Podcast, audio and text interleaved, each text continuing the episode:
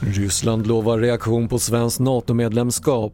Turkiet väntas sättas under press på NATO-mötet i Berlin. Nya dödsfall i Nordkorea på grund av febersjukdom och banbrytande forskning på möss kan leda till dubbelt så bra minne.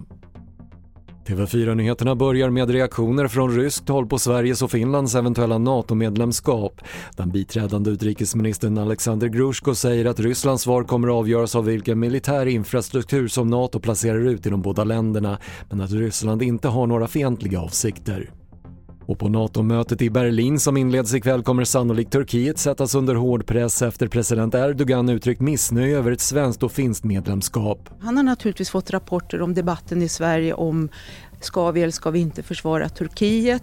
Han är sedan länge missnöjd med Sveriges politik när det gäller kurderna, att vi har många kurder i Sverige.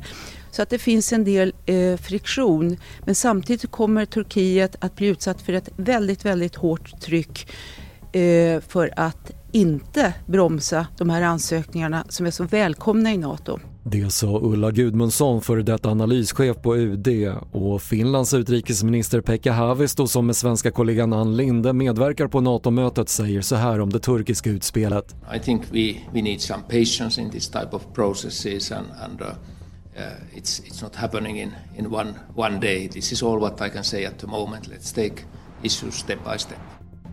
Från Nordkorea rapporteras ytterligare 21 dödsfall i det man kallar febersjukdom. I torsdags bekräftades det första dödsfallet i covid-19 i landet men det framgår inte om något av de senaste dödsfallen var covid-sjuka. Och forskare har sett om järnvätska från yngre möss injiceras in i äldre möss har det en positiv effekt på deras minne.